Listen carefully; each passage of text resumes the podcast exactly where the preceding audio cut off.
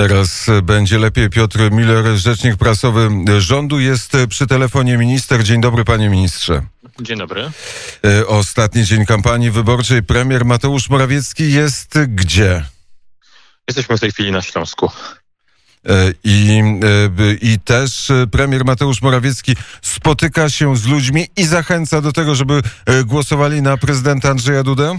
Mm, Tak, z jednej strony łączymy te obowiązki premierowskie i e, wykonywania obowiązków urzędu premiera, ale z drugiej strony e, w tych wolnych chwilach wspomagamy również e, pana prezydenta Andrzeja Dudę, bo doskonale wiemy, że dobra współpraca rządu i prezydenta jest niezbędnym składnikiem tego, abyśmy przez kryzys gospodarczy przychodzili lepiej niż byłoby to w wariancie, gdy na górze będzie cały czas kłótnia. Rafał Trzaskowski wielokrotnie deklarował i to jest jego, jeden z jego przekazów wyborczych, będę współpracował z rządem. Nie mam takiego wrażenia, w szczególności wczoraj po wieczornym występie w jednej z telewizji pana Rafała Trzaskowskiego. Raczej widziałem tam zaciśniętą pięść niż wyciągniętą do zgody i współpracy. Co takiego powiedział Rafał Trzaskowski?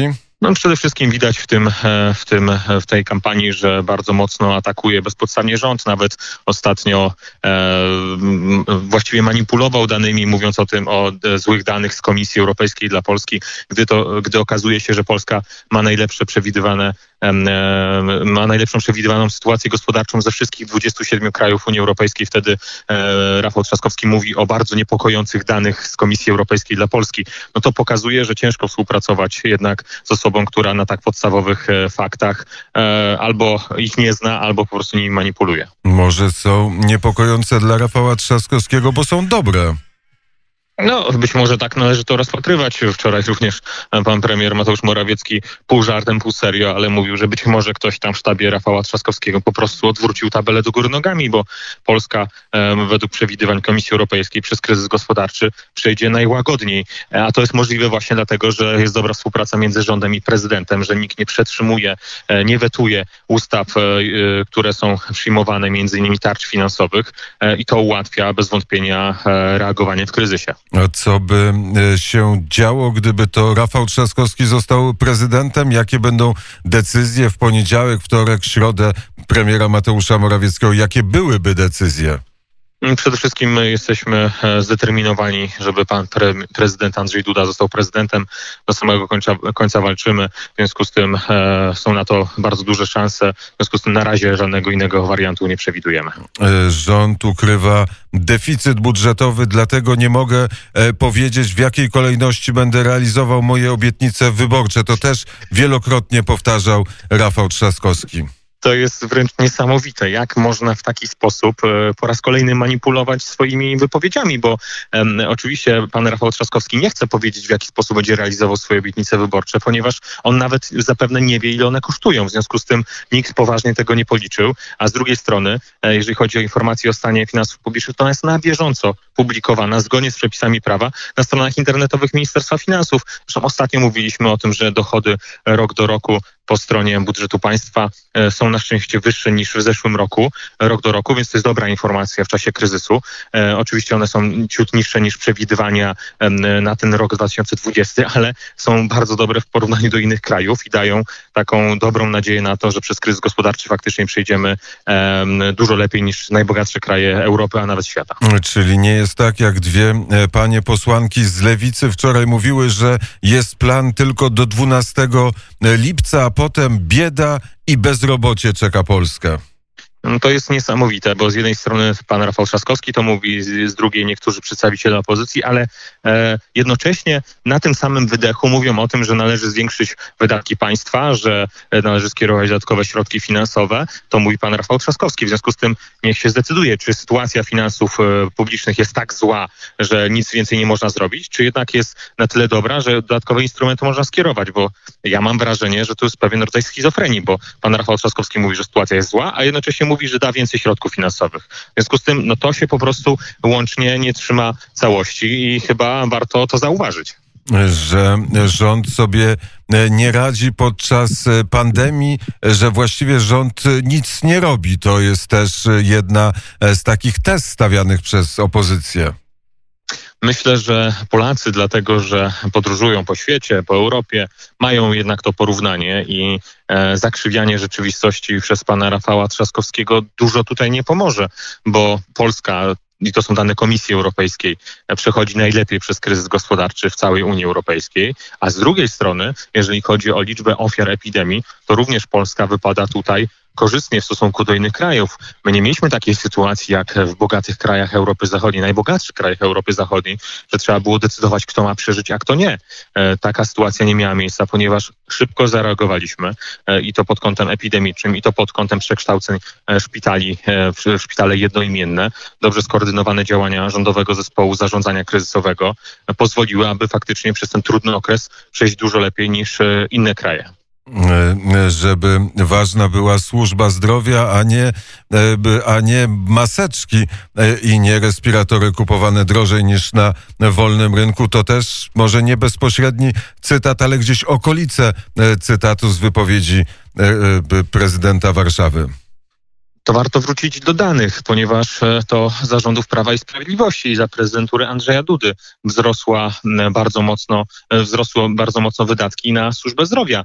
W związku z tym e, znowu nietrafione zarzuty. Oczywiście służba zdrowia wymaga e, ciągłej pracy. To nie jest tak, że można w pewnym momencie powiedzieć tak, teraz już udało się wszystko zrealizować. My te plany mamy, stąd też Narodowy Plan, plan Onkologiczny, który został zainicjowany przez pana prezydenta, który ma pomóc w walce z rakiem. E, stąd duże inwestycje takie e, jak w szpitale kliniczne w Poznaniu czy na Dolnym Śląsku. E, I to są rzeczy, które są właśnie między innymi dorobkiem tych ostatnich kilku lat rządów Prawa i Sprawiedliwości i pana prezydenta Andrzeja Dudy. Rząd zostawił szpitale powiatowe samym sobie. To my, samorządy, wzięliśmy ciężar walki z epidemią na swoje barki. Niech pan zauważy, jak to wygląda zazwyczaj. Jeżeli e, coś się, e, się złego dzieje w samorządzie, to zazwyczaj jest winien rząd.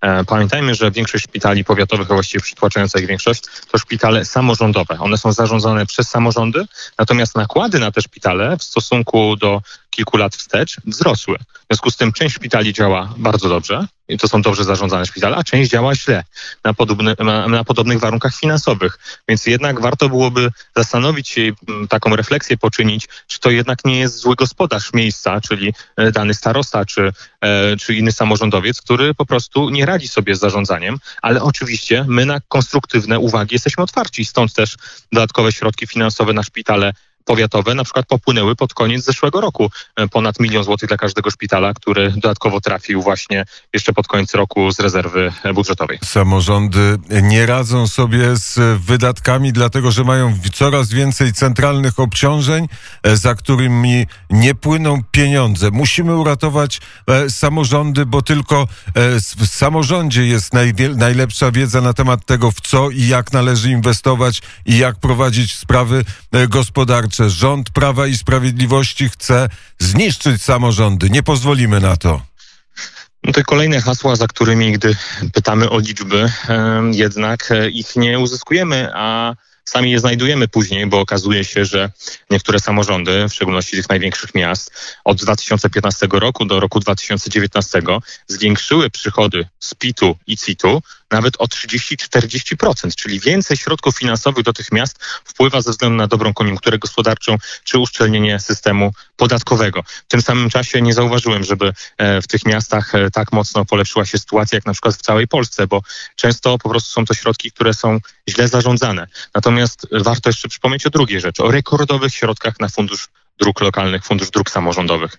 To są środki, które trafiły do Polski powiatowej, do Polski gminnej. Nigdy nie było w Polsce takiej sytuacji, żeby w tak dużym zakresie, w jednym czasie w Polsce lokalnej były budowane drogi. Właśnie dzięki Funduszowi Dróg Samorządowych, którego kolejna edycja została ogłoszona dwa dni temu. Ponad 3 miliardy złotych, które znowu zostaną skierowane do tego, abyśmy e, do tych dróg, do tych miejscowości, znowu, które potrzebują najbardziej Znowu wsparcia. pismami, e, obietnicami, e, panie ministrze, które nie zostaną spełnione, bo PiS nie spełnia żadnych obietnic, które, które przekazuje.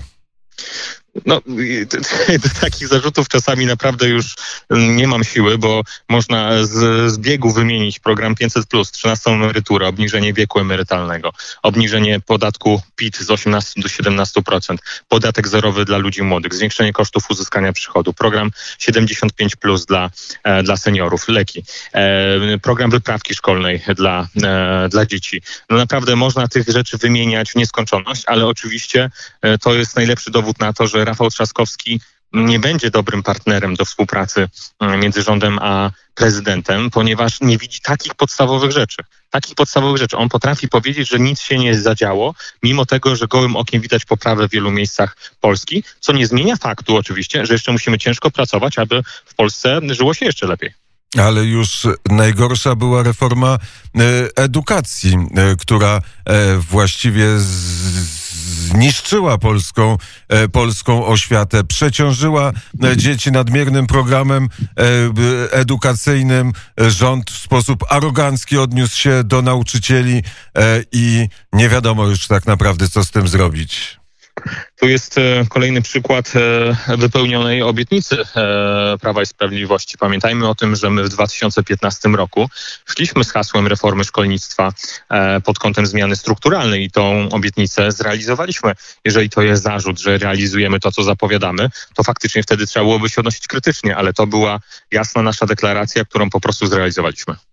E, e, to w takim razie, skoro no, to, to jeszcze, jeszcze jedno. Od 16 czerwca e, rząd nie zebrał się w kancelarii prezesa Rady Ministrów i nie obradował. Rząd zaangażował się w kampanię wyborczą, a przestał rządzić Polską. Rząd przede wszystkim zaangażował się w to, aby skutecznie działała tarcza finansowa i tarcza antykryzysowa. Do polskich przedsiębiorców, do e, pracowników popłynęło ponad 110 miliardów złotych na ratowanie 5 milionów miejsc pracy. W tym czasie, o którym pan mówi, e, od połowy czerwca do teraz, Rada Ministrów obiegowo przyjęła kilkadziesiąt różnego rodzaju dokumentów, rozporządzeń, projektów ustaw, uchwał, planów wieloletnich finansowych, jak między innymi budowa Dolnośląskiego Centrum Medycznego. E, I rząd cały czas pracuje. W trybie obiegowym możemy przyjmować uchwały. Pan premier na bieżąco robi odprawy z ministrami w trybie roboczym, ale właśnie na wyrywkowych, najważniejszych, to jest bardzo ważne, odcinkach, czyli tych najważniejszych, jakich, e, jakim jest ratowanie miejsc pracy, ratowanie gospodarki, czy pilnowanie kwestii związanych z sytuacją epidemiczną. I oczywiście e, dwa miliardy, które zamiast na e, onkologię przeznaczył rząd, czy dobra zmiana przeznaczyła na partyjną propagandę w telewizji publicznej.